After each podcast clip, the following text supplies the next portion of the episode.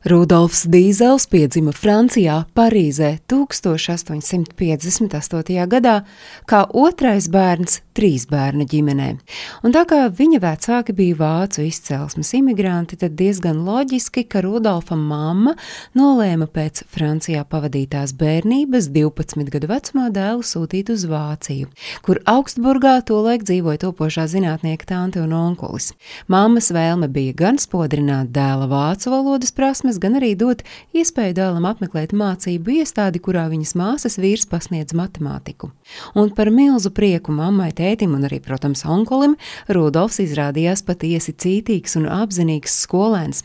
Turklāt jau tolaika, esot vienam no labākajiem savā klasē, Dīzels sācis realizēt dzīvē savus izgudrojumus.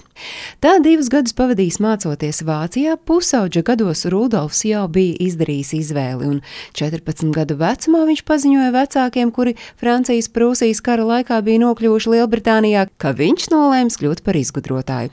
Proti, ka pēc pamatizglītības iegūšanas vēlas iestāties kādā no inženierzinātņu skolām. Ģimene gan šo pusauģu paziņojumu uztvēra nepārāk priecīgu prātu, jo tēvam tolaik pavisam švaki klājies biznesā, un viņš līdzis lielas cerības uz dēlu, ka tas varēs palīdzēt izpeldēt uzņēmēju darbības laukos.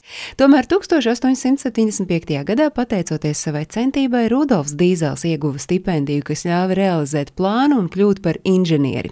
Pirmos inženieru soļus viņš spēra Mīnhenē. Tur viņš strādāja pie Karla von Lindes gan kā izgudrotājs, gan inženieris Lindes rūpnīcā, kas veidoja to laiku saldētavas. Un tieši tajā laikā dzima dīzeļdzinēja ideja.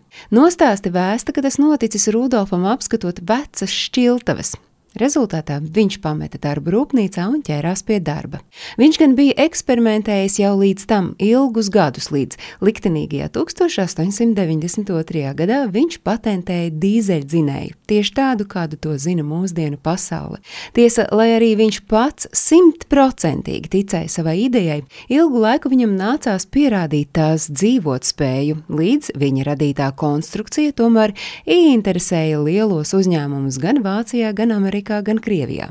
Lieki piebilst, ka dīzeļdzinējs un ar to saistītie patenti Rudolfu Dīzeli acu mirklī padarīja par miljonāru. Tiesa par miljonāru ar absolūti bez biznesa tvēriena. Un te vietā ieskicēt slavenā izgudrotāju aiziešanu viņa saulē, kas ir mītiem un spekulācijām apvīta. 1913. gadā, rudenīgā septembra rītā, Dīzels Antverpenē uzkāpis uz kuģi, lai dotos uz Londonu. Tolaik gaisā jau virmoja kara vēsmas, un Vācijas flote bija iedomājusies saņemt ekskluzīvas tiesības uz dīzeļdzinēju, lai darbinātu savas zemūdenes. Dīzels no tā bija atteicies un devās uz Londonu, lai tiktos ar Lielbritānijas flotes pārstāvjiem. 29. septembrī viņš esot papusdienojis uz kuģa un ap pulksten desmitiem vakarā devies uz savu kaīti, lūdzot, lai viņu pamodina nākamajā rītā pulksten 6,15 minūtēs.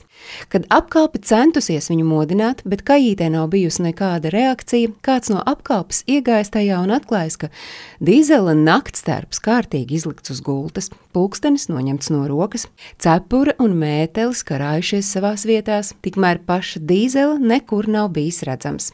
Desmit dienu vēlāk okeānā atrada līķi, kuru pēc kabatās atrastiem priekšmetiem dēls identificēja kā tēvu.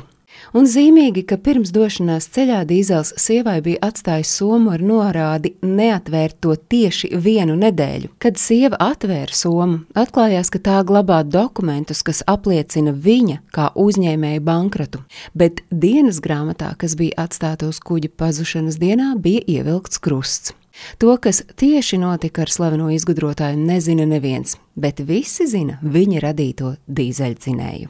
Stāstīja Agnese Drunka.